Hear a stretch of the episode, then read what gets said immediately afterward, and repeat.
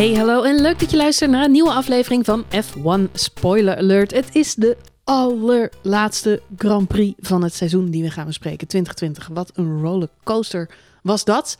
En wat een fantastische afsluiter voor ons Nederlandse fans, Johan. Ja, dat, dat, we dan maar aan de high eindigen dat we weer een, een, een Max Verstappen podiumpje hebben. Lekker. Nou, ik was al blij met die pole position. Nou, daar was ik eigenlijk het blijste mee van allemaal. Maar dat heeft Ik mee te maken te met de baan, zeg maar. En het feit dat hij, dat hij, wat hij daar presteerde.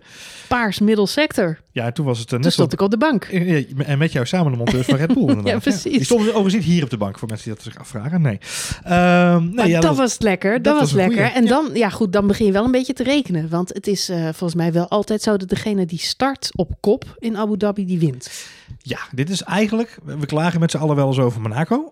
maar dit Ja. is ook een behoorlijke optocht, zeg maar. Ja. Ehm, en eh, ik, ik heb erg gelachen na afloop eh, eh, van de race. Alle reacties van mensen die ook zeggen van volgens mij eindigen, expre- eindigen ze expres met deze race. Om te zorgen dat we met z'n allen een beetje met een min gevoel zeg maar dat we denken, oh gelukkig, vakantie. Ik had, ja, ik had bijna op een gegeven moment zoiets van, zou het gewoon afgesproken werk zijn? Dat, net zoals eh, vorige race was natuurlijk een heel kort circuitje. Toen zag je Mhm, bij de mhm. kwalificatie dat ze echt een beetje getimed hadden. Dat niet alle teams tegelijkertijd de baan op zouden gaan. In elk geval niet in de eerste ronde van de kwalificatie. Ja, ja, ja. En eh, nu leek het er bijna op dat iedereen gewoon besloten had van laat zo'n Red Bull maar winnen. En dan eh, die Mercedes, die pakken gewoon een podium, zijn ze ook tevreden. ja dat- McLaren pakt de constructeurs eh, derde plek. ik zie dat, ik zie dat ze, ik- de man die Toto Wolff is, zie ik dat niet zo snel ge- ge- Nee. laten gebeuren, denk ik. Nee, is niet zo, maar het leek, het leek bijna wel zo. Het was een saaie race. Het was een hele... Over de race zelf hoef je het niet lang te hebben. Nee, het was een hele saaie race met een hele spannende kwalificatie. En, en daar werd eigenlijk ook gewoon de race beslist in die kwalificatie. Ja. ja. Toch? Ja, vind ik wel. Ja, nee, oké. Nee, de Eh. rollercoaster zat hem daarvoor. Dat, eh, daarom, ik wil ook al inhaken op jouw rollercoaster opmerking. Maar de rollercoaster is eigenlijk het hele seizoen hiervoor natuurlijk. Ja, maar daar gaan we nog een aparte uitzending over Ja, maken. dat gaan we niet in, eh, Nee. in, in, in een half uurtje proppen. En, niet- deze race hopelijk wel. proppen. Nee, ja. Dus ehm, nee, ja, eh, eh, spannend. Ja, het enige hoogtepuntje waar ik misschien dan nog een beetje naar uitkeek, was Perez. Ja. Want die moest helemaal van achteraan komen. Ja, dan weet je, dan kan hij winnen. Ja, precies. Ja, nee, maar eh, eh, lach maar. En, het, en waar we het dit seizoen al vaker over hebben gehad, dat is toch een beetje pitstopstrategie. Daar kun je soms ook nog wat hè, dingen mee uithalen uit de trucendoos. Ja, zeker in Abu Dhabi is eigenlijk de enige plek waar je kunt inhalen. Het is er één hè, in Abu Dhabi, misschien twee. Als je een beetje goed je best doet, kun je twee plekjes op de baan kun je inhalen. En je kunt met je pitstop een groot verschil maken inderdaad. Ja, Maar even een paar dingen, even, eh, snelle opmerkingen. Snel, snelle opmerking. ze maakten het toch even heel fake spannend, zeg maar, met die banden, hè? Hoe bedoel je? Nou ja, we, weten allemaal, er was een safety car in Ja, ja. rondje, Rondje 10. rondje Ja. 10, heel vroeg in de wedstrijd. Nou, dan zie je iedereen gelijk, eh, het was eerst een virtual safety car, Ja. zie je iedereen gelijk naar binnen eh, duiken, want dat is dan toch eh, het moment om te pitten. We zien zelfs de meeste teams een dubbele stop maken. Nou, Ja. kwam Sainz bijna nog duur te staan, omdat hij dan ook echt langzaam gaat rijden en daarmee zijn concurrent natuurlijk ook een beetje ophoudt en zorgt dat hij zelf niet te veel tijd verliest. Ehm, maar iedereen gaat op dat moment naar binnen. En daarna krijg je eerst Max Verstappen over de boordradio. Die zegt, deze bandjes gaan het niet volhouden tot het einde. Ja. Ik denk, vijf ronden later krijg je eh, Hamilton. Die ook hetzelfde zegt. Van, eh, we gaan het nooit redden op deze bandjes. Tussendoor is er nog een beetje eh steekspel van... no way dat de Mercedes een, een eenstopper gaan doen. Eh, op de manier waarop ze nu eh, aan het racen zijn. Ja, en op een gegeven moment ook eh Lewis Hamilton zei, ik heb een flatspot. Ik heb flatspot. Ook Ja, nog, ja, ook nog. Ja, maar dit is toch gewoon allemaal gameplay achteraf? dat denk- was gewoon één grote trucendoos Ik denk van, van dat Red dat Bull en Mercedes. Ja, ik denk dat ze ontzettend bezig waren om elkaar uit de tent te lokken daar. Ja. Ja, dat idee had ik ook wel. Het is maar goed dat niemand het... Het is, het is heel sneu. heeft want je- gepakt. Want we gingen bij Sergio Perez inderdaad. dat was natuurlijk degene die er afging met een motorprobleem. Wat ontzettend zuur is, want hij stond helemaal achteraan. Omdat hij een nieuwe motor kreeg. Eh, en hij haalde daarmee inderdaad ook echt de angel nog uit iets wat ook maar spannend had kunnen zijn. Namelijk de pitstopstrategie. Dat draaide hij zelf ook de nek om. Dus, dus Sergio Perez was wel beslissend in deze wedstrijd. Maar niet op de juiste manier. Helaas. Nee, ja, de- ja het was, eh, dat was misschien het enige waar ik nog een beetje naar uitkeek. Verder hebben we weer kunnen genieten van de Leclerc-locomotief. Hij was er weer. Hij was er weer, ja. Hij heeft het ook lang volgehouden. Nee, ik moest even kijken, want jij zei inderdaad eh, terecht eh, die pitstops eh, van iedereen ging een rondje 10 naar binnen. Er waren een aantal mensen die dat niet deden en die hebben ook echt wel de deksel op hun neus gekregen. Ja, met Onder name, andere de Ferraris. Met name de Ferraris inderdaad, want Ja. Leclerc en Vettel zijn doorgereden. Vettel heeft uiteindelijk 35 ronden op die, op die harde bandjes gereden en Leclerc 22 ronden op, volgens mij gebruikte setje mediums. Ehm, ja, die zakte helemaal terug, want Leclerc reed volgens mij rond de 8e, 9e plek. Eh, hield hij daar een beetje de boel op. Eh, en uiteindelijk is hij toch gewoon helemaal teruggevallen. eh, tot plek 13 en Sebastian Vettel dan achter plek 14. Dus ja, dat is, die, die stop die was heel belangrijk in, in de ronde 10. Eh, ondanks het feit dat iedereen het heel spannend maakte. Ja, iedereen wist dat met die hard ging het wel redden tot het einde. Ja, je zit op het laatst nog een beetje gespannen dat er toch maar vooral niet nog een safety car eh, moet komen. Nou, dat, ja. Eh, dan was het misschien allemaal nog spa- spannend geweest. Maar voor, ja, voor wat je al zegt, het was een optocht. Maar het was wel, ook wel lekker om te zien dat Max zo eh, wegreed. Ja. Eh, wat je eigenlijk, als je de, voor degene die de rondetijden-app eh, er ook eh, bij had, is wat je elke keer zag, eigenlijk elk rondje hetzelfde. Eerste sector waren de Mercedes eigenlijk altijd een tiende sneller dan Max. Maar Max maakt dat goed in die tweede en in de derde sector, waar die so- soms wel drie of vier tiende eh, per sector sneller was. En daardoor ja, kon hij toch een lekker voordeel opbouwen. En na afloop zei hij zelf ook, ehm nou, de safety car kwam, hè, dat het nog wat langer duurde na de pitstop, kwam wel goed uit. Want dat leverde hem ook weer wat extra tijd op. eh, Ja. op die banden. Dus dat was eigenlijk eh, van voordeel dat dat eh, nog even aanhield. En hij zegt, het was wel spannend. Ik weet niet of ik er nog heel lang op door had kunnen gaan op die banden. Maar wat jij zelf al zegt, er waren een aantal teams die zijn niet gestopt. Ferrari was er een van, maar Ricciardo was de andere. Ja. Ricciardo wist er uiteindelijk nog wel iets op te maximaliseren. In elk geval wist hij op die late stop en, en, en eigenlijk nog frisse banden en lege benzinetank Ja. die snelste ronde nog te pakken. ja. Dus Ricciardo die profiteerde er, er wel enigszins van. Maar Ricciardo was ook de showcase van hoe lang die harde band het wel niet eh, kon redden. Exact Dus dat, ja. wat dat betreft Iedereen hadden we... naar en ja, Vettel. precies. Hadden we Ja, als ja. kijker thuis toch wel allemaal Ja, hadden- relaxter op de bank kunnen zitten. We hadden allemaal het- ja. kunnen zien inderdaad Vettel, even kijken, Vettel, Leclerc, sorry, Vettel, Ricciardo, eh Fittipaldi ook 34 ronden, nee dat zeg ik verkeerd. Ja, nee, ook 31 ronden, Magnussen, sorry, op Harts 31 ronden. Nee, dat is allemaal wel, wel te overzien, weet je. Dat is 35, 35 tot 40 ronden was wel gewoon te doen op die banden. Dus we waren met z'n allen misschien onnodig nerveus. eh, maar dat is natuurlijk ook de spanning van Verstappen die ineens zo wegrijdt. Ehm, grappig is, na afloop, ik vind het knap dat Mercedes altijd toch wel een excuusje heeft als ze eh, eh, zo'n race verliezen. Hè. Zoals dit weekend dan ook, verliezen ze hem eigenlijk op de zaterdag. Zijn ze net niet snel genoeg. Op zondag komt dan naar buiten dat ze de motor moeten terugschroeven. iets wat vanwege een MGUK-probleem. Ja, ja. Ehm, eh, weet je, het is, eh, eh, ze hebben nu zelf ook dan na afloop geven ze aan. Nee, maar jo- jongens, luister, we hebben de motor moeten terugschrijven, maar het was niet genoeg eh, voor dit grote verlies hoor. Want we, hebben, we verliezen misschien maar 0,1 seconde met Mhm. dat terugschroeven. En jij hebt natuurlijk veel meer verloren dan dat. En ik geloof het. Ik geloof ook echt dat het zo is. Maar het feit dat ze het naar buiten brengen, dat doen ze ook omdat ze gewoon willen. Het, ze willen toch iets van shade gooien over die, over die overwinning. Zij weten ook, de PR-mensen van Mercedes weten ook dat als we ook maar eh, de insinuatie naar buiten gooien dat, we, hè, dat er iets was met die motor, ja, dan halen we in ieder geval een beetje shine van die overwinning af. Ja, en het, het, maar het is natuurlijk ook een beetje hun coureurs eh, beschermen. Beschermen.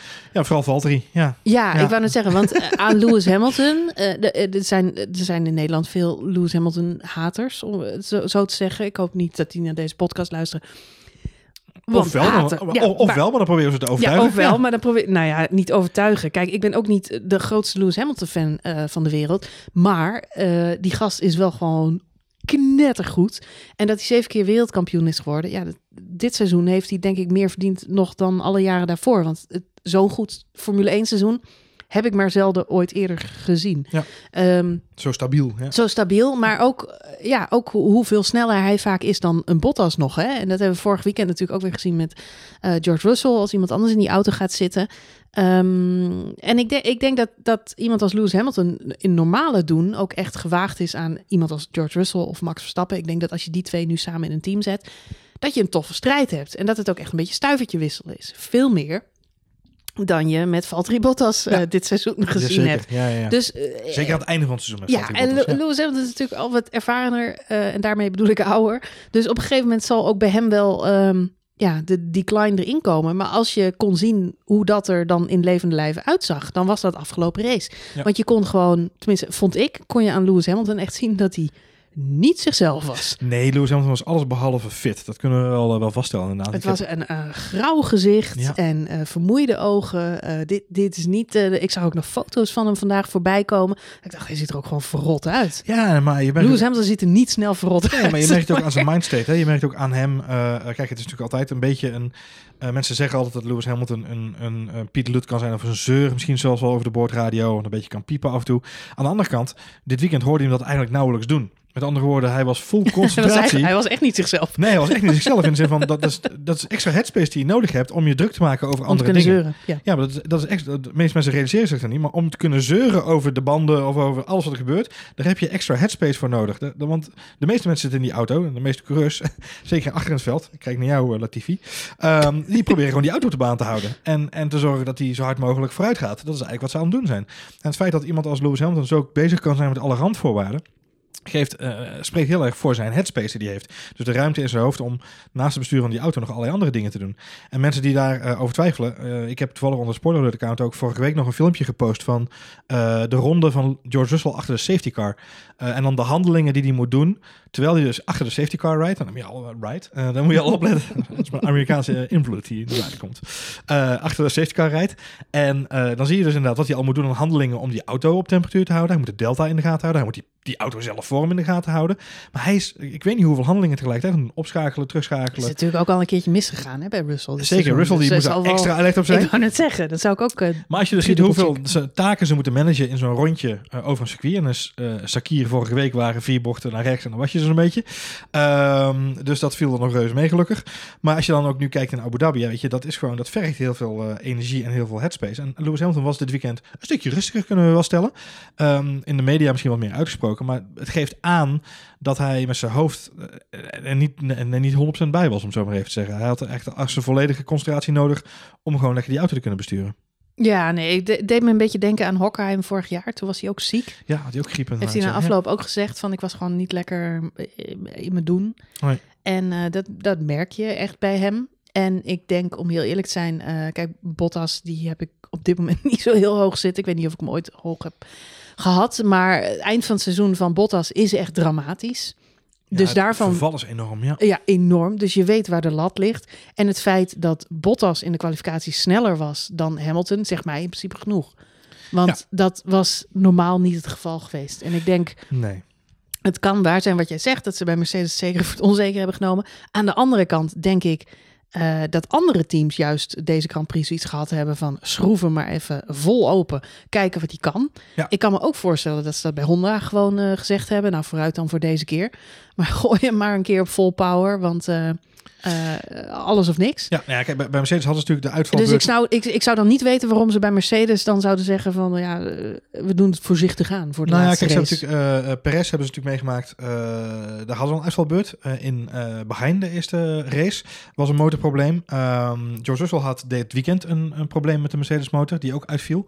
Dus ze hadden een aantal signalen dat het niet zo heel erg lekker zat. Ja, maar daar zeg je het. Het is bij de andere teams. Jawel, maar je moet je ook realiseren dat voor Mercedes nog wel iets aangelegen was natuurlijk om Valtteri Bottas in die race te houden. En eh, ik heb ook tijdens de race zei ik nog tegen jou, het zou me niet verbazen als Lewis Hamilton reed op een gegeven moment op 1,7, 1,8 seconden achter eh Valtteri Bottas. Ja, het ging om die plek in het uh, Normaliter zou. Lewis Hamilton denk ik een dotje gas bij hebben gegeven en op een, op een goed moment hem gewoon langs geprikt hebben. Ik denk dat Lewis Hamilton gewoon op autopilot in die auto's gaan zitten en Ja. heeft gedacht, wat er ook gebeurt, George Russell gaat niet nog een keer in mijn wagen zitten. ik ga rijden eh, met 16.000 eh, paracetamol eh, in mijn mik. en daarna ga ik lekker op vakantie. Ja, ja, dat, dat zou zeker kunnen inderdaad. Maar wat ik wel het gevoel had, is dat ze dus inderdaad gezegd hebben van Lewis, doe rustig aan. En, en blijf gewoon lekker achter, uh, achter Valtteri En is rijden. nog knap, hè? Dat is nog knap dat hij gewoon derde wordt zonder Ja, problemen. Ja, nee, En in de kwalificatie natuurlijk ook. Gewoon op die, op die derde plek staat. ja. Wat ook knap was, is de race van Alexander Albon. Jazeker. Wat mij betreft, persoonlijke mening, Albon zijn beste race van het seizoen. Ja, en niet alleen van jou denk ik. Ik denk dat het ook bij, eh, op het hoofdkantoor van Red Bull eh, omarmd is eh, als zijnde de beste race van Albon van dit seizoen. Hij deed eindelijk wat hij moet doen. Dan, moet, dan moeten we dus wel in ogenschouw nemen waar we het net allemaal over gehad hebben. Is het inderdaad zo dat, hè, dat de Mercedes iets was teruggeschroefd? Kijk, Max lag eh, ruim voor die eh, Mercedes. Ze wist na de safety car de voorsprong weer op te bouwen tot, wat was het op het laatste, 12 seconden? Eh, ja, uiteindelijk is het 15 seconden, gewoon 16 Ja, seconden. Ja, ja. Nou, dus uh, keurig. Je ziet ook dat die Mercedes het laten gaan. We hoorden trouwens Hamilton ook nog een comment maken dat het met de huidige Formule 1 auto's onmogelijk is om erachter te blijven rijden. Hij zegt, Ja. dan zit je in een soort turbulentie vliegtuig. Dan word je helemaal gek van alle getril. En dus als je niet de power hebt om in te halen, als je niet die overmacht hebt op een auto, kun je beter een gat van drie seconden laten vallen. En dan zeker nog weer in de Mercedes, hè, want die zijn helemaal niet gebouwd om te volgen. Dus nee, precies. Maar dat verklaart onder andere waarom Hamilton eigenlijk gewoon achter Bottas aan bleef op drie seconden. Ja, ja, ja, heeft gewoon het, eh, Bottas eh, strooide het kruimeltjes en, en Hamilton is gewoon het kruimelpad gevolgd. Zo van, help me naar de finish.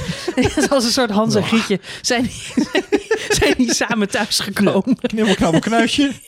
Die brengt Lewis naar zijn huisje. Ja, precies. Precies. Ja, Nou, ja. nou, dat hebben ze keurig gedaan. Max die was wel echt sneller dan, eh, dan Bottas. Maar eh, Alexander Albon, ja, die eh, wist het toch eh, goed te volgen, vond ik. Sterker nog, op het laatste wordt hij echt een stuk eh, sneller. Ja. Nog, je kunt zeggen, eh, de, de Mercedes gaan langzaam rijden, maar dat viel wel mee. Albon werd op het laatst echt nog een eh, ja, tandje bij. Ja. Eh, dus die kwam nog op twee seconden. Ja, 1,5 Niet dat het- 1,5 zelfs. Ja, Inderdaad. niet dat het echt nog heel spannend was. Nee, maar had die race nog een rondje of twee, drie doorgegaan, dan was het toch misschien nog wel leuk geweest. inderdaad. Ja, ik weet, ik weet het dus niet. Hè? Want de Mercedes, kijk, de Mercedes, ik zeg het nu wel. De rondetijden bleven gelijk op het laatst. Maar eigenlijk wat je normaal ziet, is dat je rondetijden sneller worden op het laatst. Daarom worden de snelste rondes van de race ook altijd op het laatst Ja. gezet. Want die benzinetank wordt lichter. Tuurlijk. Soms zijn de bandjes dan net perfect, soms niet. Maar in dit geval. ehm, ja, was Mercedes natuurlijk ook gewoon zijn banden aan het managen. Ja, nou, Lewis, Dus dan- zal, dan Lewis, je- Lewis in management mode gezeten hebben, maar hij heeft ook de waarschuwing gekregen. Hey, luister, Albon komt eraan en is snel. Eh, want hij zat in verkeer op dat moment. Eh, ik weet niet of jij je nog kan herinneren, dat is een van de shots in de laatste ronde. Komen ze in die knik voor de haarspeld.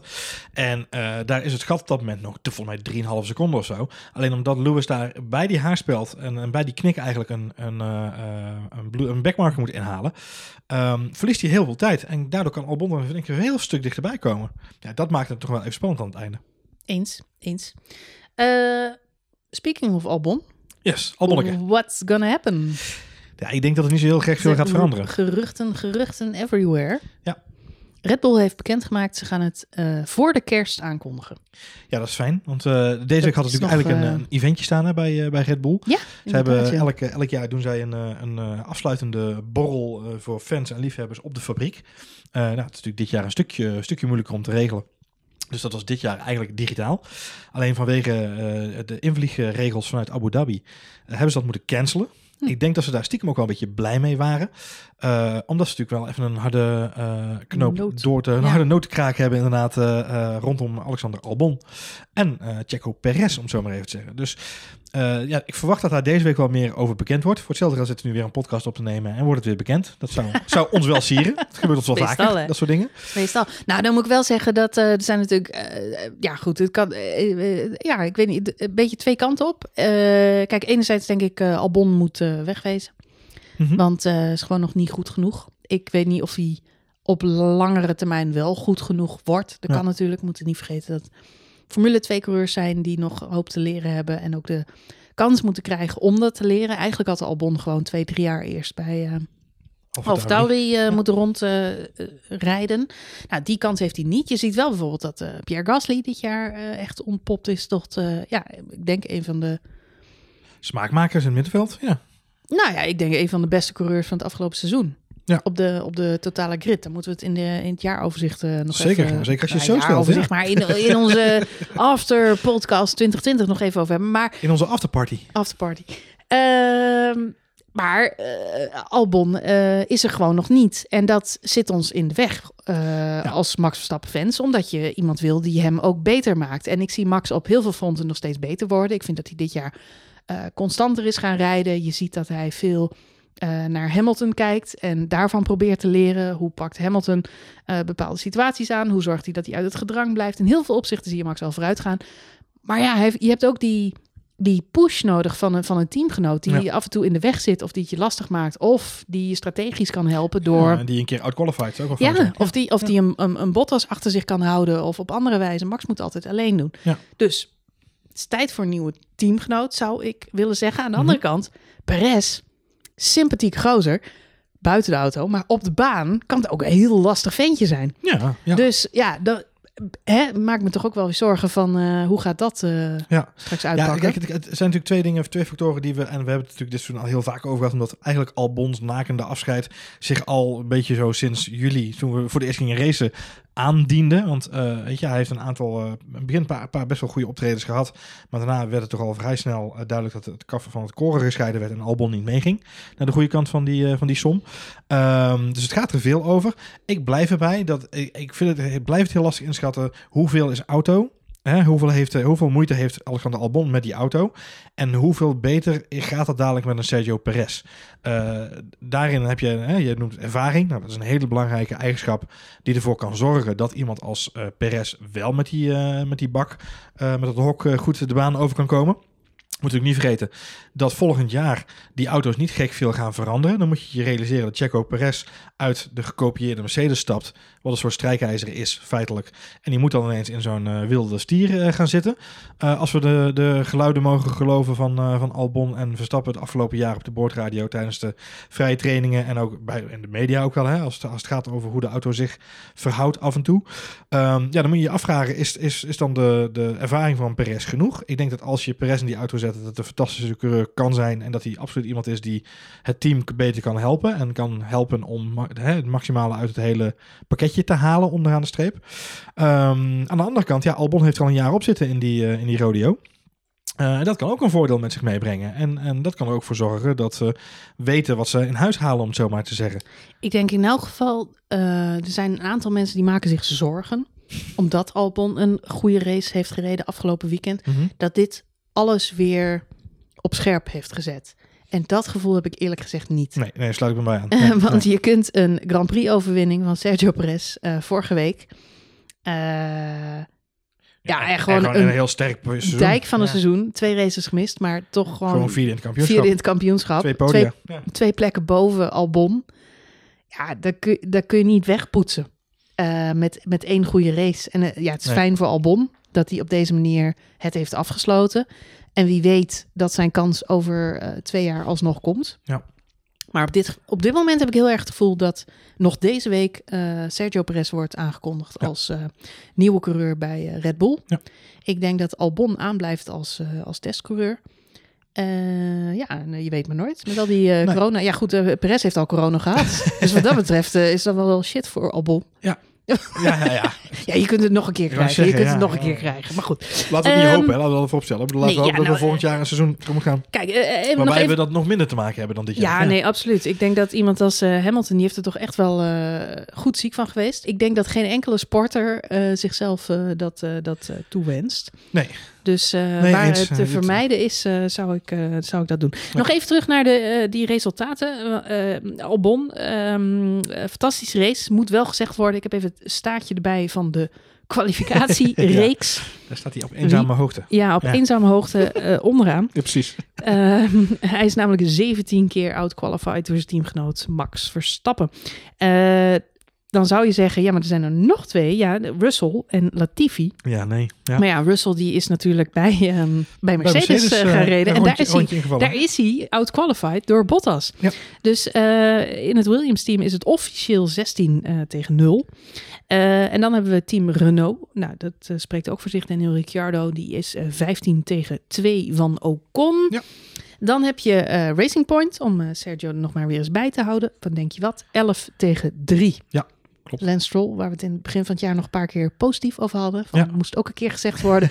hadden we niet moeten doen. Want vanaf het moment dat we positief zijn gaan praten over Lance Stroll... is het alleen maar slechter gegaan met, eh, met die jongen. Ehm, ja, Alfa eh, Tauri is ook een, een eenzame, eenzame hoogte voor ehm, eh, Pierre Gasly. Ja. Dat is 13 tegen 4. Voor Kwiat. Kwiat, denk ik, zien we niet meer terug volgend jaar. Nee, Kvyat heeft zelf al bekendgemaakt dat hij niet meer terugkomt. Nee. Dus eh, die heeft zich versproken in het, eh, in het perspraatje, in, in, het, in het driehoekje. En die heeft gezegd, eh bij eh Alfa Tauri hangt een verrotte sfeer, een harde sfeer. Ze willen het Tsunoda graag hebben, dus ik ga nu op vakantie en ik zie in 2022 wel weer waar ik Daar sta. hangt een verrotte sfeer. Nou ja, een harde sfeer, zo zijn Een het. harde sfeer? Ja, ja. De, de, de sfeer is hard binnen Alfa Tauri. Of de wereld is hard binnen Alfa Tauri. Ze willen graag Tsunoda hebben eh, in die stoel. Oh, dat vind ik dan wel Dus opmerkelijk. want ga we, op vakantie. We aan de buitenkant juist al die verhalen gehoord over hoe Pierre Gasly beter gedijt bij het vriendelijke Alfa Tauri, waar de sfeer Ja. veel gezelliger en gemoedelijker dat- is dan het harde Red zegt- Bull. maar dit zegt niet zoveel over Alfa Tauri. Dit zegt alleen maar meer over Red Bull. Oké, goed. Eh Kwiat, eh, ja, nou ja, goed, die eh, kan weg. Wie trouwens met dezelfde score zit, is Sebastian Vettel. Ja. Want die is ook eh 13 tegen 4 keer outqualified door Charles Leclerc. Ze waren wel dikke vriendjes afgelopen race. Ja. Dus eh, dat was eh, natuurlijk lieftallig om te zien. Wel natuurlijk af hoeveel daarvan gemeend is. Alhoewel, ik denk dat Vettel buiten de auto eh, echt ook een hele vriendelijke vaderfiguurachtige man is. Ja, en Maar ja, aan de andere kant denk ik Charles Leclerc is leuk dat je met zo'n helm van Sebastian Vettel bent gaan rijden. Maar misschien had je hem iets minder vaak van de baan moeten tikken dan, dan had ik ook geloofd dat je dat... Maar goed, Ah, ik, denk, ik denk dat die band tussen die twee al goed zit. In de zin van, ik denk dat Vettel een heleboel van zichzelf wel herkent in Leclerc. En, eh, ja, eh, qua onbezonnenheid, ja, dat hebben ze allebei. Ja, ja, dat, qua eh, dat, daar- dus ik denk daar- dat dat wel goed zit hoor. Ja, en qua talent ze- ook wel hoor. Dus, eh, ja. Eh, nou, wie doen het dan eh, al een stukje beter? Dat is Team Mercedes. Want Team Mercedes staat 11 tegen 5 in de kwalificatiereeks. Dus Bottas heeft toch, beter, toch wel aardig gedaan, maar net niet de top 3 gehaald.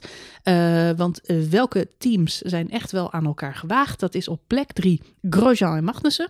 Daar Ja. staat het 8 tegen 7. Grosjean natuurlijk de afgelopen races helaas Gemist. niet meer gereden. Ehm, Team Kimi Räikkönen versus Giovinazzi is 9 tegen 8. En ook bij McLaren, bij jo eh, Norris en ehm Carlos Sainz. Carlos Sainz, Ja, 9 tegen 8. Dit weekend beslist, die, eh, die strijd. Ja, Ja. ook bij, eh, bij eh, eh, Oeh, Lando nipt gewonnen. Nipt gewonnen. Ja, ze Zal ook, op de zijn. baan, ook op de baan zondag. Dus ja, daar zou ik zeker blij mee zijn inderdaad. Nou ja, kijk, het Daar is zal eh, Maria Carré hard uit speakers hebben geklonken voor, voor de volgers van McLaren op social tijdens media. het feestje. Speaking of McLaren, moeten we nog even over hebben. Want eh, McLaren is uiteindelijk derde geworden in het kampioenschap. Ja. Tot mijn grote vreugde, moet ik wel zeggen. Want ik ben van oudsher toch eh, enorm McLaren-fan. Dus Ja, jij mag volgend jaar pas weer en dan is het weer McLaren Mercedes.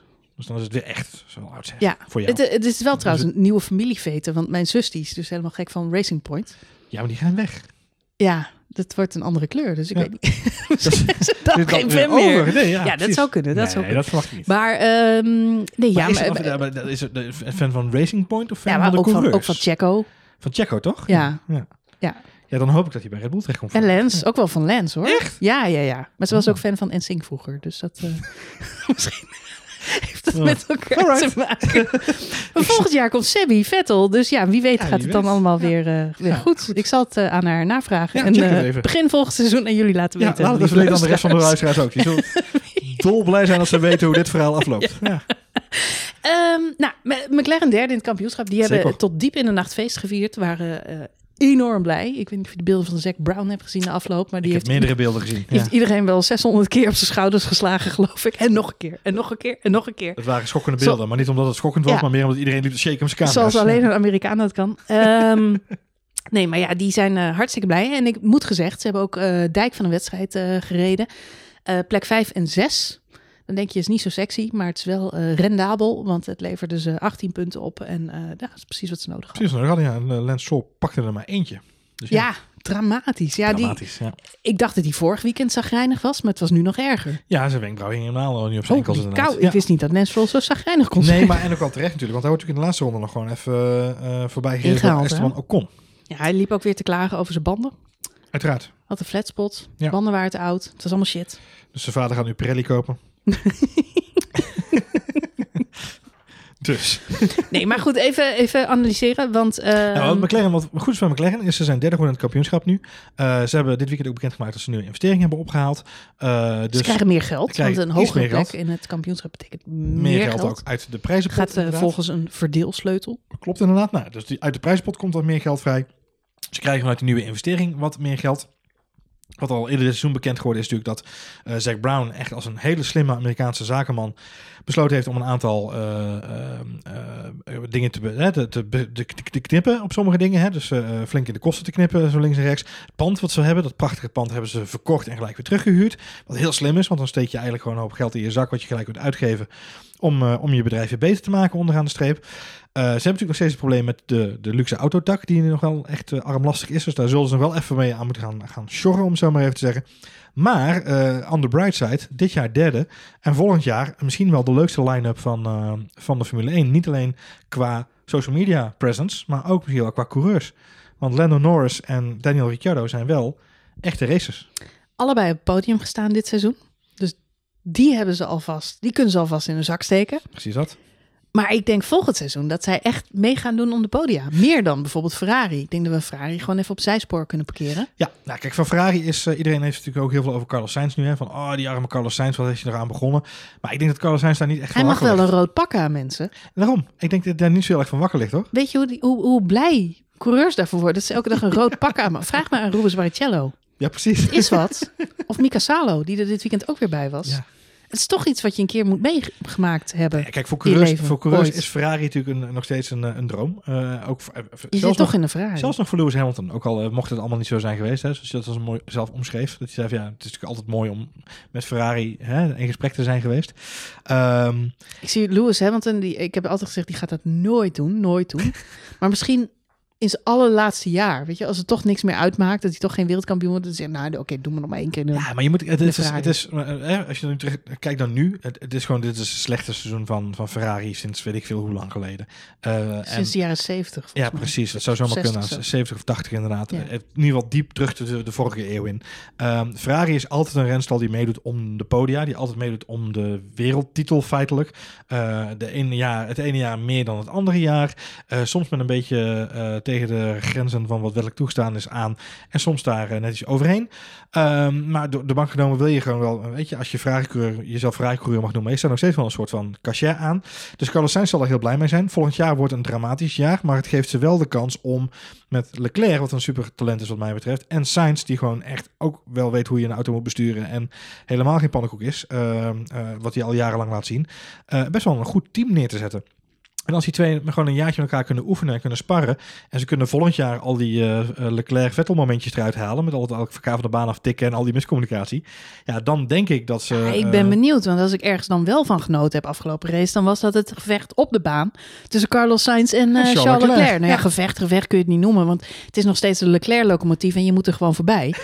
maar dan nog, het is, ja, ja, kijk, dus, dus Leclerc geeft al zijn achterblijvers wel een run for the money. Weet je, ze moeten wel echt aan de bak om hem, om hem te kunnen inhalen. Nee, maar goed, dus ik denk dat Sainz zal er niet Maak gauw zijn. Eh, je gaat, gaat een jaartje eh, opofferen eh, om daar hopelijk in 2022 heel veel plezier van te hebben. En, en een beetje onderaan wij zullen dat dan ook allemaal hebben. Want dan zit daar wel gewoon een hartstikke goede coureur. Is een hartstikke goede coureur. Die is dan lekker bij Ferrari. Het is geen halve Giovinazzi of een... of Een een halve Giovinazzi. Nee, ja, maar zo'n zo'n Giovinazzi ook. Weet je, voor hetzelfde geld moeten ze, omdat ze dan ze moeten besparen. Dus ze moeten gaan maar een talent doorschuiven uit de eigen renstal om naast onze grote ster te zetten. Dan besluiten ze voor hetzelfde geld als besloten om te zeggen we zetten Giovinazzi er neer. Ja, Weet je, de- we- het is geen Barrichello. Carlos Sainz is nog geen Barrichello, om zo maar even te zeggen. nee. Ehm, dus, ja. dus, weet je, en de- de- hij moet eerst maar eens, we weten allemaal hoe, hoe Carlos Sainz kan zijn. Eh, dus eh, Leclerc moet het gewoon wel gaan laten zien op de baan, ten opzichte van iemand van zijnzelfde generatie ongeveer. Dus ik, ik vind dat wel Nou, leuk. Ietsje ouder, ietsje meer Twee ervaring. jaar, twee, drie jaar, ja, iets meer, wel- ervaring. Ja. Kan, kan wel in zijn voordeel zijn. Zeker, zeker. Dus ik denk, weet je, bij Ferrari was een hartstikke leuke line-up, maar dat is pas vanaf 2022. Ja, bij eh, McLaren volgend jaar, er zit een Mercedes motor in dat ding. En er zit een Australiër in dat ding die gewoon wel weet hoe het gaspedaal werkt. Dus ik ben daar wel heel benieuwd naar. Ik ben Ja, echt heel benieuwd naar Ik denk McLaren. dat volgend jaar. McLaren echt heel goed uit startblokken komt. Alles zit hem uiteindelijk onderaan de streep. Is hoe hebben ze die motor in, in dat chassis gekregen en, en hebben ze het maximaal eruit kunnen halen wat ze... Want het is geen halve vervrijzing, hè? Die- Het is geen halve development die ze moeten doen. Ik vind McLaren dit seizoen is wel een beetje het nieuwe Red Bull geworden. Ook qua coolheid. Hm. Mediaafdeling, ook alles op orde. Toffe film gemaakt Ja, afgelopen maar het weekend leuke weer. vind ik, eh, eh, dat is dan een beetje meer het, eh, welkom bij Emo Talk van Formule 1. Wat, wat goed is, is dat ehm, eh, waar Red Bull altijd het coole zal zijn, Mhm.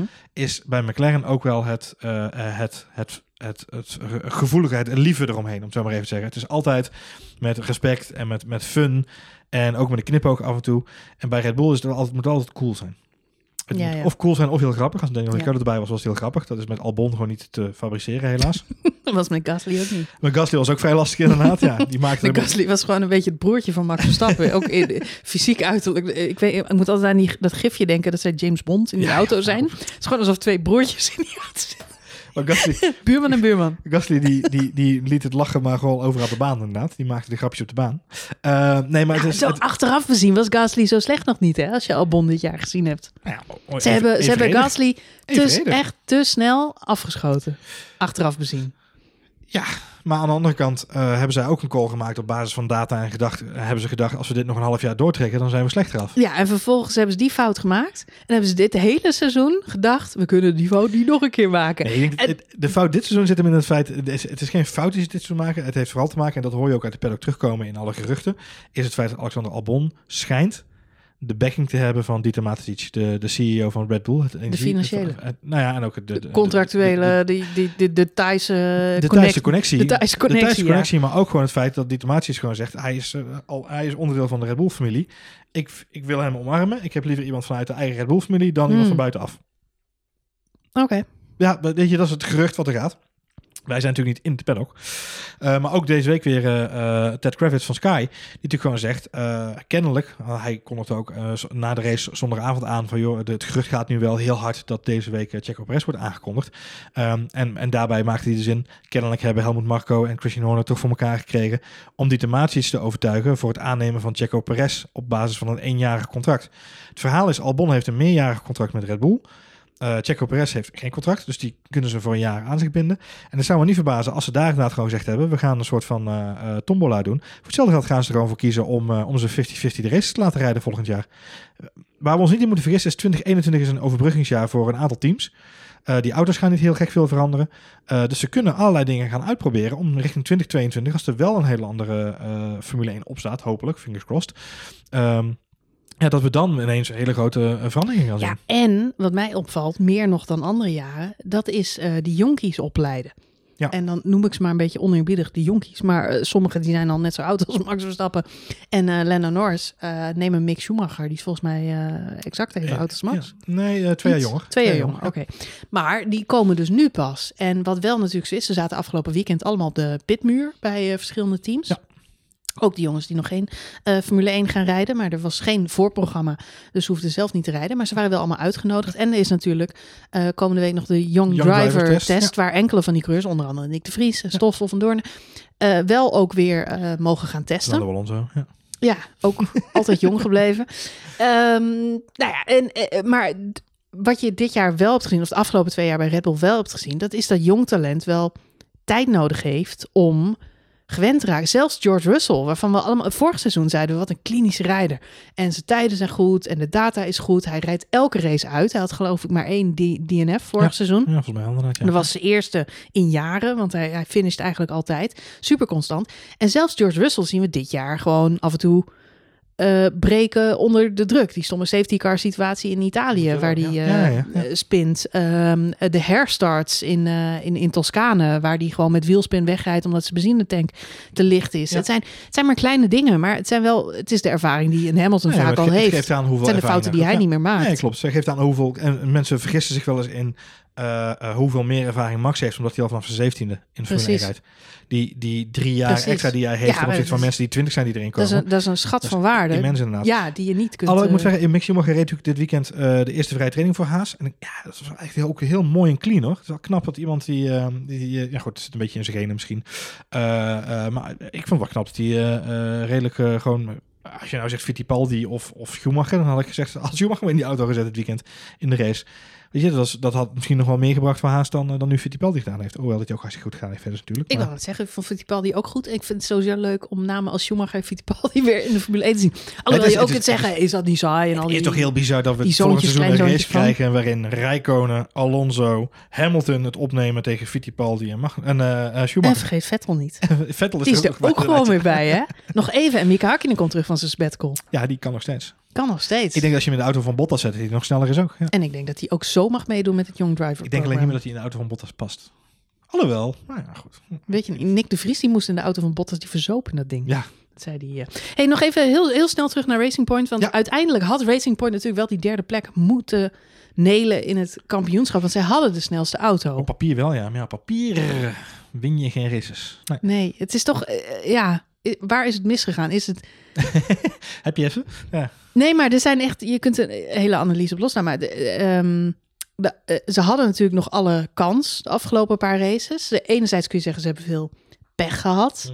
Aan de andere kant, eh, ja, ze hier en daar. Maar eh, ik denk dat het toch ook in de re- reliability zit. Ik heb even opgezocht hoor. Maar McLaren heeft ehm, eh, drie races niet uitgereden. Viel eigenlijk best wel mee. Ja, ja. ja. Racing Point heeft zeven races Oh, niet gefinished of zelfs gestart. En dan, eh, jij zei het net al, Bahrein was natuurlijk Perez, reed hij op een podiumplek. Ja.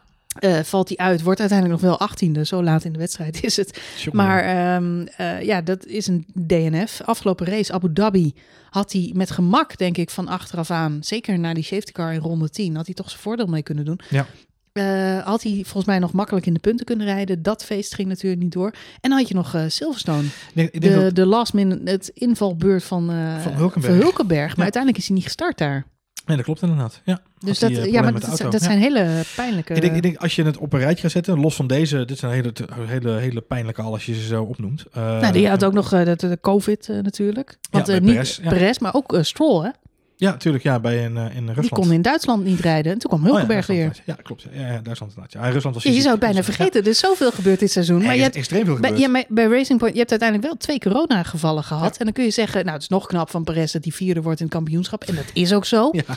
Maar het heeft Racing Point onderaan de streep wel punten gekost. Ondanks dat Hulkenberg fantastisch gedaan heeft. Nico Hulkenberg heeft 10 punten binnengehaald, jongens. Zeker, en dat is hartstikke knap. Maar de vraag is wel, had Sergio Perez in die auto gezeten, had hij dan meer punten kunnen halen? En dan is het ook nog eens zo dat voor Silverstone was, geloof ik, Hongarije. Ja, En toen reed Perez ook een draak van een weekend. klopt kan ook zijn dat hij zich daar al een beetje verkouden, niet zo lekker, et cetera, voelt. Dus ja. onder een ziekte heeft ook roet in het eten gegooid. Volgens mij heeft Hulkenberg in die, die punten gehaald in de auto van Stroll. Eh, als ik me nu zo zit eh, af te vragen. Ehm, maar het is wel leuk, misschien wel goed om daar eens naar te kijken inderdaad. Want toevallig dat ik dit weekend voor de eh nieuwsbrief die ik elke week eh, verstuurd heb dit seizoen rondom, rondom Formule 1, zat ik een beetje te rekenen inderdaad. En het feit is natuurlijk ook dat Max bijvoorbeeld eh, dit jaar twee keer gewonnen heeft, 11 podia. Alleen Max heeft 5 DNF's. Valtteri Bottas heeft geen DNF's, heeft dezelfde aantallen podia en overwinningen. Ja. Dus het is insane om te zien dat iemand die in een veel betere stabiele auto zit, eh, dus als er nog tweede wordt aan, in het kampioenschap, omdat de persoon achter hem, Max Verstappen in dit geval, ja, vijf DNF's heeft. Dat is gewoon insane. Eh, wel te Nee, ja, verklaren. je, ja, ja, maar, maar bij- je bedoelt, je kunt ermee wegkomen met al die... eh, Ja, nee, maar het is, DNF's, het is meer inderdaad de vraag van wat is de gemiddelde, want dat is eigenlijk meer het wat verhaal. doe je buiten de DNF's wat om? doe je buiten de DNS Ja. om? En eh Valtteri Bottas heeft een gemiddelde, het zeg ik even uit mijn hoofd hoor, want ik, ik heb het niet paraat hier nu op het scherm voor me. Maar volgens mij had Valtteri Bottas een gemiddelde positie op de grid in de race die hij gefinished heeft, eh, op, op, eh, aan, het- aan het einde van de race, van 4.4. Terwijl Max Verstappen gemiddeld op een 2.1 plek rijdt. Dus op- met andere woorden, even afgerond naar, naar beneden. Max Verstappen rijdt gemiddeld de tweede plek in de race die hij finished. Terwijl Valtteri Bottas gemiddeld vierde rijdt in de race die hij finished. Met andere woorden, eh, die stand in het kampioenschap is heel vertekend als je kijkt naar de prestaties van de coureurs aan zich. Ehm, datzelfde vraag ik me dan inderdaad af een beetje bij, bij Racing Point. Waar zijn Perez en, en Stroll, en dan Hulkenberg even meegenomen, gemiddeld gefinished gedurende het jaar? Want dat zegt eigenlijk ook veel meer over de prestaties van het team. Ehm, die auto is op papier, was het de derde snelste auto. Mhm. Eh, dat zei jij terecht. De roze Mercedes. De roze Mercedes, iedereen was daarover eens. En ook als je naar de prestaties keek op de baan, was het ook gewoon wel zo. De vraag is alleen, eh, eh, hebben ze, is, is het inderdaad alleen terug te schrijven naar dingen die jij net noemde, hè? dus de DNF's en de, en de pechgevallen die ze gehad hebben? Of hebben ze ook gewoon als coureurs ge- ondergepresteerd? En dat kun je eigenlijk terugzien in de, Ah, dit podiumfinishes. weet ik wel zeker, want je zegt het zelf al. Maar Lance Stroll is uiteindelijk elfde geworden uit mijn hoofd in het kampioenschap. Ja, elfde met, even kijken, elfde met eh, lop, eh, 75 punten. Ja, Gelijk geëindigd met Pierre Gasly. 75 punten. Heeft Ja. Sergio Perez met 125 punten. Ja. En twee races niet gereden. Nee, precies. Ja. Eh, toch een veel Dus ook Lance Stroll is helaas eh, een zwakke schakel. Gewoon boven eh, het licht bevonden voor dit seizoen. Ja. ja, en dat snap, dat snap ik ook wel dat hij erg zagrijnig was. Hij had op een gegeven moment echt een goede stint. Dat we allemaal dachten, nou, die jongen is zo slecht nog niet. Hij heeft natuurlijk laatst ook in de kwalificaties en in de vrije training nog een paar keer zijn gezicht laten zien. Dat je ook dacht van, oh, nou, Ja, Lance Stroll kan best wel Turkije, rijden. Ja. Maar dan op het moment dat het ertoe deed en dat hij die snelle ronde neer moest zetten, ja, dan had hij eh, vorige race was nog hè, dat Ja. hij ineens dan eh, Q3 niet haalt, omdat er iets misgaat met de timing. Dus al met al, je kunt zeggen Lance Stroll eh, inderdaad licht bevonden. Ik ben heel benieuwd hoe dat volgend jaar met Vettel eh, samen gaat zijn. Strategisch valt er ook nog wel wat te winnen hoor bij Racing Point, want ze hebben ook een paar keer ja, zeker. precies op het verkeerde moment een verkeerde beslissing. Ja, zeker. gemaakt. Met, bij racesportjes zijn er op Eh, alle vlakken nog veel te winnen. En dat is ook goed dat daarom Sebastian Vettel daar volgend jaar komt. Om daar een beetje balans Ja, in te dat, brengen. dat hoop ik dan maar. Dat hoop ik dan maar. Ik hoop het, dat- het zijn vaak van die kleine dingetjes, Ja. zoals eh, met de safety car of te lang buiten blijven, eh, proberen daar je voordeel te pakken, of wat ze dan bijvoorbeeld in Imola deden, eh, naar binnen gaan, juist op het verkeerde moment, waardoor Ja, je uiteindelijk drie klopt. plekken Drie verliest. plekken verliezen, Terwijl iedereen buiten blijft. Het is net, eh, net Laat- laten, we zo zeggen, laten we zo zeggen, het is voor, voor beide team, voor beide kanten zit er aan die rekensom bij, bij Sebastian Vettel eh, zit er een, een eh, eh, redemption, en noem je dat? Een, een, eh, eh, een, v- niet wraak, maar eh, ze kunnen zichzelf wreken, om zo maar even te zeggen. Ze kunnen zichzelf verbeteren. Voor Sebastian Vettel geldt, is iemand die eigenlijk bij Ferrari in zijn eentje zijn eigen garage draaide. Weet je, hij had wel een stratege, maar ja, feitelijk zat hij in de auto zelf rekensommetjes te Ja, maken. volgens mij waren ze dit weekend allemaal ziek. Zou zo maar Volgens mij was kunnen. iedereen naar huis bij Ferrari, behalve de monteurs en de twee coureurs. Ja, dus en dat daardoor was de sfeer eigenlijk eindelijk wel een keer goed. Prima inderdaad. Iedereen klappen voor Misschien Vettel. moeten ze het vaker doen. Maar je ziet bij Vettel, die zit zelf rekensommetjes te maken. Die doet zelf zijn, eh, zijn, zijn, zijn riedeltje. En die zorgt er wel voor dat als hij, als hij in, bij Racing Point in die crew van, van Perez feitelijk de loyaliteit vindt en de, en de meedenkendheid vindt om dat op te bouwen naar iets wat daadwerkelijk eh, voor hem kan werken. Ja, is dat natuurlijk fantastisch. En dat kan ook aanstekelijk werken voor Racing Point als team. En hij kan heus wel met zijn ervaring en met zijn inzichten kan hij ook strategisch gezien een bijdrage leveren aan dat hele team. Dus ik denk dat het helemaal geen gekke move is van Vettel om daarheen te gaan. Dat is één ding heel erg belangrijk. Buiten dat hij nergens anders heen kon. Eh, dat is ook snel belangrijk. Maar één ding echt heel belangrijk is dat hij moet het dan wel ook doen. Moet, moet er wel in zitten. En de ja. afgelopen races zie je aan Vettel dat hij gewoon een beetje ja, aan het cruise is. Weet Jij zit gewoon bij Ferrari was het gewoon, nou jongens, eh, handje op stuur, één handje op de vangrail. Eh komt wel goed, ik rij hem naar huis. Eh, Ja, behalve als hij Leclerc achter zich kan Ja, houden. dan vind ja. ik hem wel heel, heel fanatiek ineens weer. eh.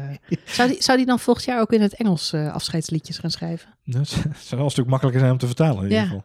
Maar ik- misschien, wel een, misschien kunnen we een crowdfunding actie opzetten om hem een zanglesje te geven dan voor die tijd. Nou, Oh. niks mis met Sepp Vettel die in het Italiaans zingt. Nee. Ik denk dat ik een ringtoon van ga maken. Een ringtoon.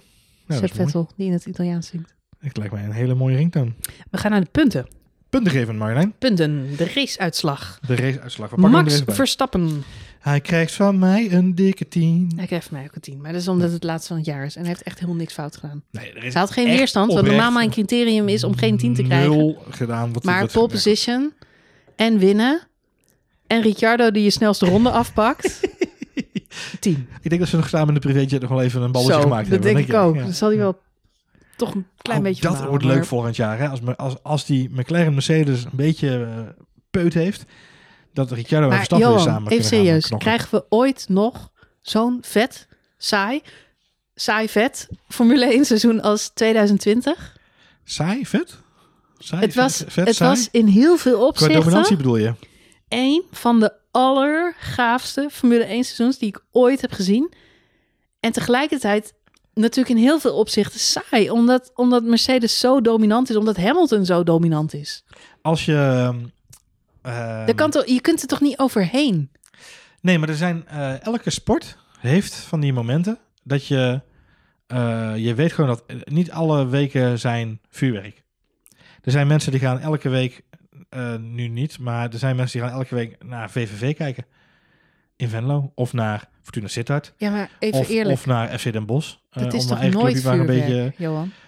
Eh, voor die mensen wel. Voor Je die mensen helemaal niet wel. voor FC Den Bosch. Nee, maar daar kom ik van. Mijn, roots liggen daar. Mijn roots liggen. Wat een zwak verhaal is Bij dit. vlieg. Bij ik ben het ook niet met je eens, want eh, voetbal, nou, ik kijk maar naar het voetbal. Ik vind het gewoon saai momenteel. En ook zo'n, ook Champions League finales zijn ook geen bal meer aan. het Vroeger is niet- was dan het is een finale saai, nog wel maar is- leuk, maar Wat ik, wat ik wilde zeggen is, is, je haalt passie niet uit alleen maar vuurwerk. Dat is wat ik wil zeggen. De, de liefde die jij voelt voor een club, en dat ik, doe ik ik noem deze clubs niet omdat ze geen vuurwerk geven.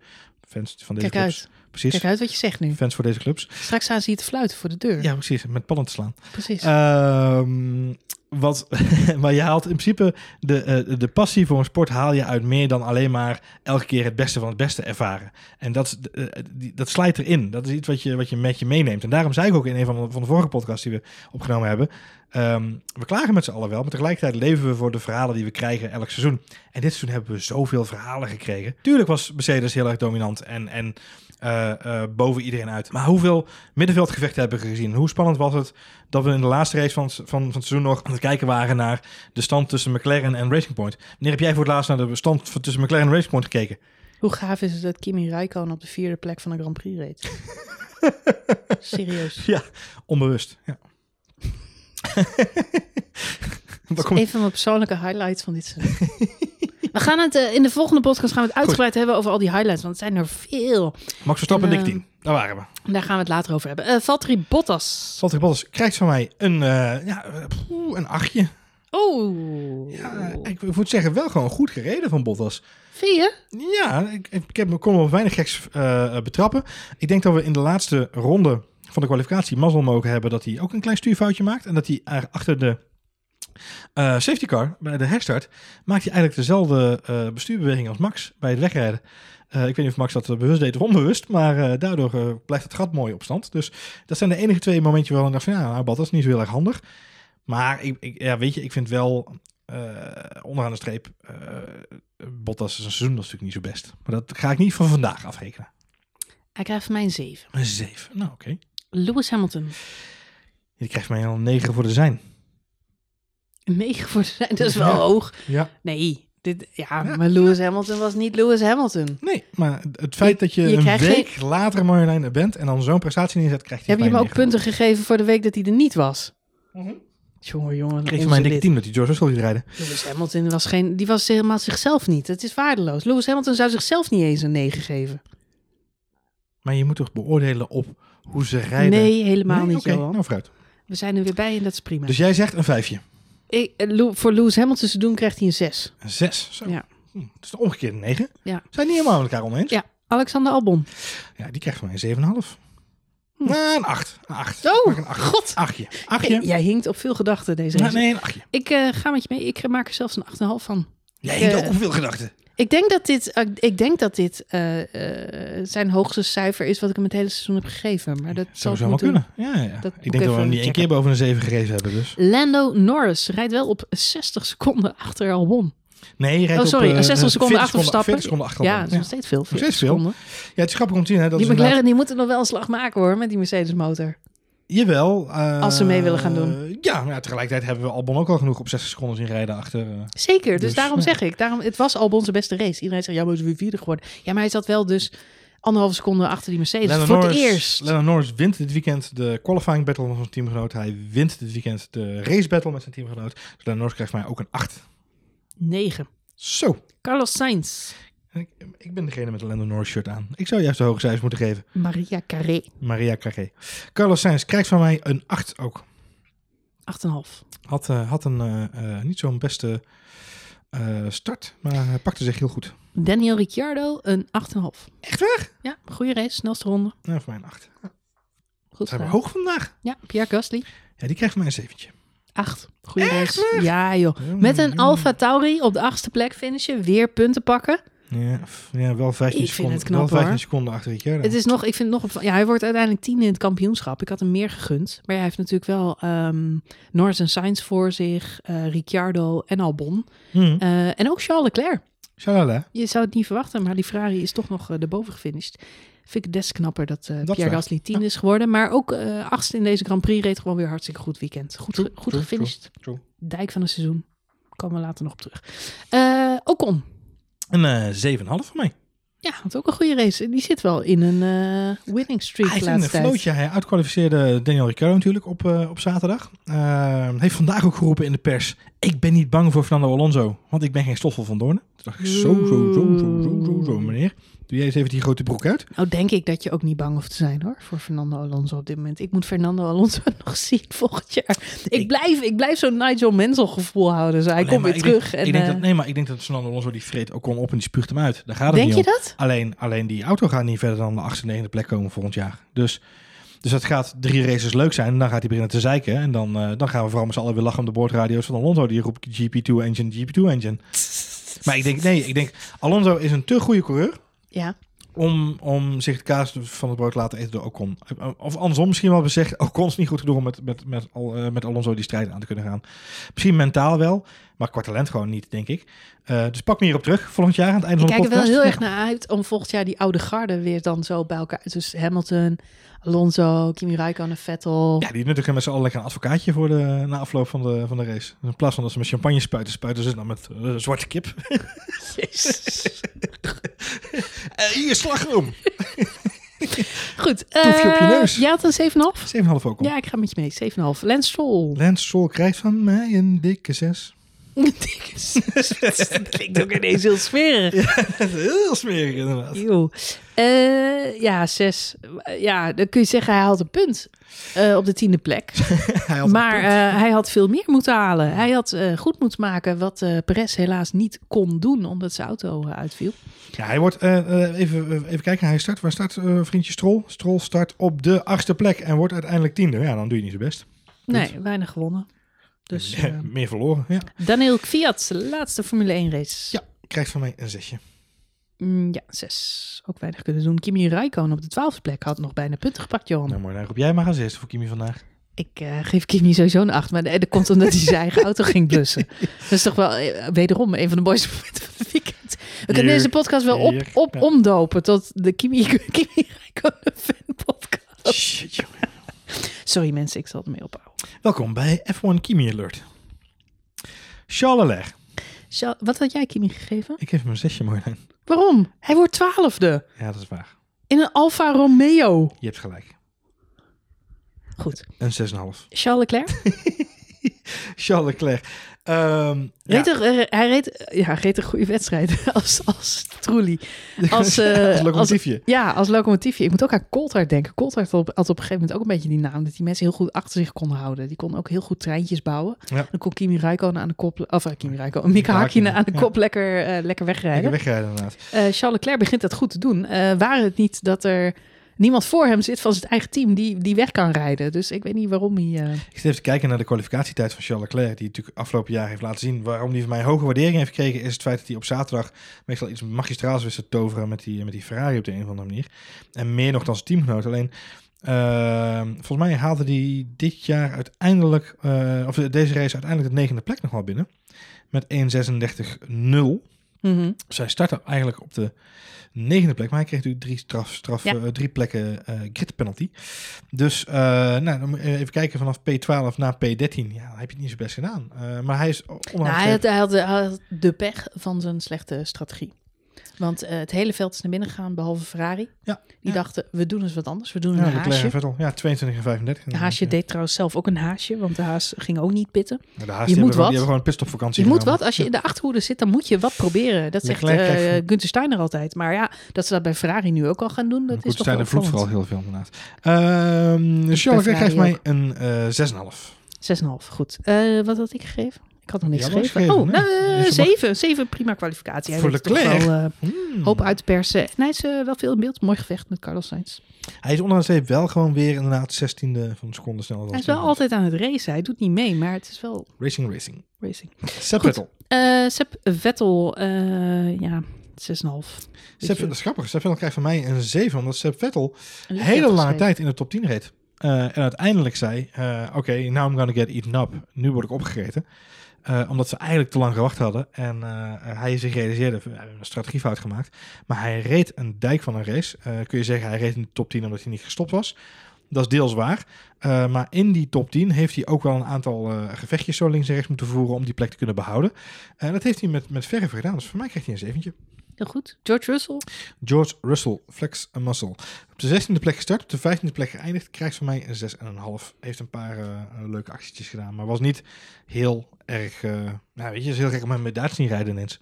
Ja, teleurstellend. Heel maf. Maar goed, ja. Dus dan 7 voor George Russell. Giovinazzi krijgt van mij een eh 6. Was beter gestart dan Kimi Räikkönen. Maar laat zich ehm, uiteindelijk toch weer de kaas, Kaas van het brood, eten. eten. De, de gorgonzola van het brood eten. Ja. Wat gek is, want normaal heeft Giovinazzi een hele goede start. Maar dit keer eh, Hmm, oh, werd hij eh, Ze wisselen het aardig af van twee. Maar goed, ja. gepakt. Latifi, Latifi krijgt mij een zesje. Ja, eens. En Kevin Magnussen, zijn laatste race. Kevin Magnussen krijgt mij een zeven vanwege die epische start van Kevin Magnussen. Ja, was wel goed, hè? Ten eerste die, die vol flex, volledig verremmen, die binnenkant van die bocht pakken met rooksporen en Ja. alles. En dan vervolgens drie plekken winnen. Heb je zijn interview na afloop gezien? Dat hij Nee.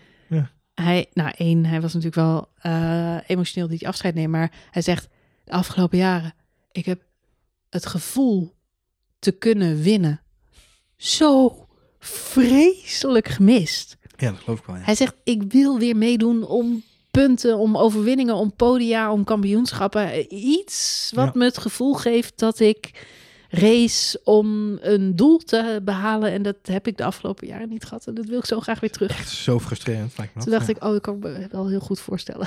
Het lijkt me echt helemaal niet leuk. Nee, Volgens je- mij, het is leuk om Formule 1 te rijden. Zeker als je jong bent. En dan ben je al lang blij dat je het hebt mogen meemaken. Grosjean zegt het nu ook veel in interviews van... wauw, je hebt als droom dat het te mogen halen. En Magnus zei trouwens zelf ook. Hè, het is een van de tofste banen in de wereld om te hebben. Dus je bent al blij dat je erbij bent. Maar als je het op een gegeven moment zoveel jaar doet... en je wint niks... Ja, eens. Gelukkig dat hij iets anders gaat doen. heeft hij een zeventje in ieder geval. En voor jou? Eh 7,5. 7,5. Fittipaldi? Een zesje. Ja, 6,5. 6,5. Sergio Perez? Ja. 8. Ah, een acht. Ja, hij, ja, hij was op weg naar het podium. Dat was bijna het podium. Daar reed hij. Ja, achteraan. Maar Hij hij, vijf hij had er al vijf ingehaald. Ja, dat is waar. Hij was super. Dat was zo'n beetje het enige leuke aan deze race. En toen viel hij uit. Een 7 voor Sergio Perez, Marjolein. Hmm. Dan nu, de winterplanning. De Ik winterplanning. heb berekend, als we nu beginnen eh, Ja. met terugkijken, Mhm. kunnen we eh, vanaf nu elke avond een Formule 1 race kijken die Lewis Hamilton gewonnen heeft. Dan zijn we precies klaar als Melbourne begint. Is dat echt waar? Ja. Oh, dat meen je. Ja. Dus als je tijd hebt, dan eh Alle, alle overwinningen van van Lewis Lewis Hamilton. Hamilton Nou, terugkijken. liever niet. nee. Als we nou tien dagen van tevoren alle tiende overwinningen van Max, Max nog een keer terugkijken, ja. dan vind ik dat wel een goed idee. Nou, we hebben nog Drive to Survive, wat er ook natuurlijk aan zit te komen, wat een, gaan Februari worden. of niet? Ja, februari We gaan pas ja. 20 maart weer starten. hè. Dat is een weekje later dan We gaan afgelopen 21 jaar. maart eh, zijn we weer met z'n allen in Australië. We gaan eh 2 en 4, 2 tot en met 4 maart, we gaan maar drie dagen testen dit jaar. In? plaats Waar in, wordt in het? Barcelona helaas. Wel in Ja. Barcelona. oké. De teams wilden graag naar Bahrein. Ehm, of ik moet goed zeggen, de Formule 1 wilde graag naar Bahrein en de teams wilden graag naar Barcelona. Volgens mij was dat de volgorde. Ik gooi het altijd door elkaar heen. Maar eh, Bahrein heeft lange tijd op de kalender gestaan als zijnde, dan gaan we gewoon daar vast heen. Dan zijn we vast halverwege de wereldbol. Ehm, maar uiteindelijk is het toch gekozen om dat weer in Barcelona te gaan doen. Helaas, want Barcelona staat volgens mij ook gewoon weer op de kalender voor volgend jaar. Ehm, ja, ik blijf dat jammer vinden, want dat is natuurlijk een circuit wat iedereen al doodgetest heeft. Dus iedereen heeft daar alle data al beschik- tot zijn beschikking. Maar goed, eh, wat ze nu gedaan hebben is voor volgend jaar de tests ingekort van acht dagen naar drie dagen. Dus Hm. 2, 3 en 4 maart wordt er getest. Eh, hopen dat Pierre Gasly de auto heel hard eh voor uh, Alfa Tauri dit jaar. Dat deed hij vorig jaar wel een beetje flauw. Ehm, maar dat is van, van 2 tot 4 maart. En dan eh 21 maart zijn ze met z'n allen in, in Australië. En dan hopelijk kunnen we dit keer wel een podcast opnemen en zeggen we gaan beginnen. Zo, In plaats van dat we een podcast opnemen. het lijkt een eeuwigheid geleden. kan zijn dat er besloten wordt dat we niet gaan We racen. hadden echt ook, toen we zaten op te nemen, nog de beelden opstaan. eh, op de achtergrond. Van dat Ja. het onduidelijk was of we het nou wel of niet Ja, en we zijn doen. ook heel laat begonnen met opnemen. De- Relatief vroeg in, eh, in Australische tijd, als je het zo bekijkt. Maar eh, ehm, eh, laat op de avond toe gaan opnemen. Omdat We we zijn gewoon gaan voorbeschouwen. lang mogelijk zijn de allereerste aflevering Ja, van dit seizoen was gewoon een dat was voorbeschouwing. gewoon een voorbeschouwing. Hij telt gewoon mee. Laten we, eh, we gaan nog een paar dingen doen. We gaan een, eh, niet nu, maar we gaan... Nee, ik wou zeggen, ik probeer even te midden als je niet echt. Nee, we gaan eh, sowieso eh, een eh, eh, jaaroverzicht maken. Nou, geen jaaroverzicht. We gaan niet alle races nog een keer bespreken. Maar we gaan wel even een paar highlights eruit halen. Misschien een paar leuk. leuke lijstjes doen. Ja. Eh, we gaan even kijken ehm, hoe we dat eh, precies gaan maken ergens in de komende twee weken. Komt goed. Ehm, Leuk, gaan we even tijd voor maken. ja, toch? Ja, toch? Je hebt niks Ja. te doen, toch? Volgende Ik- week? 24, 25? Nee, ik heb drie Mogen dagen nergens vrij heen. ergens. Ja, nee. Dus eh, wat moet je anders? Ik zeg eh gourmettafel aan en laptop Podcasten. Ja, Als precies. je op de achtergrond een beetje gesissel hoort, Ja. is dat het gourmetstel dat- nog naast staat te branden. De kaasfondue die aanfikt.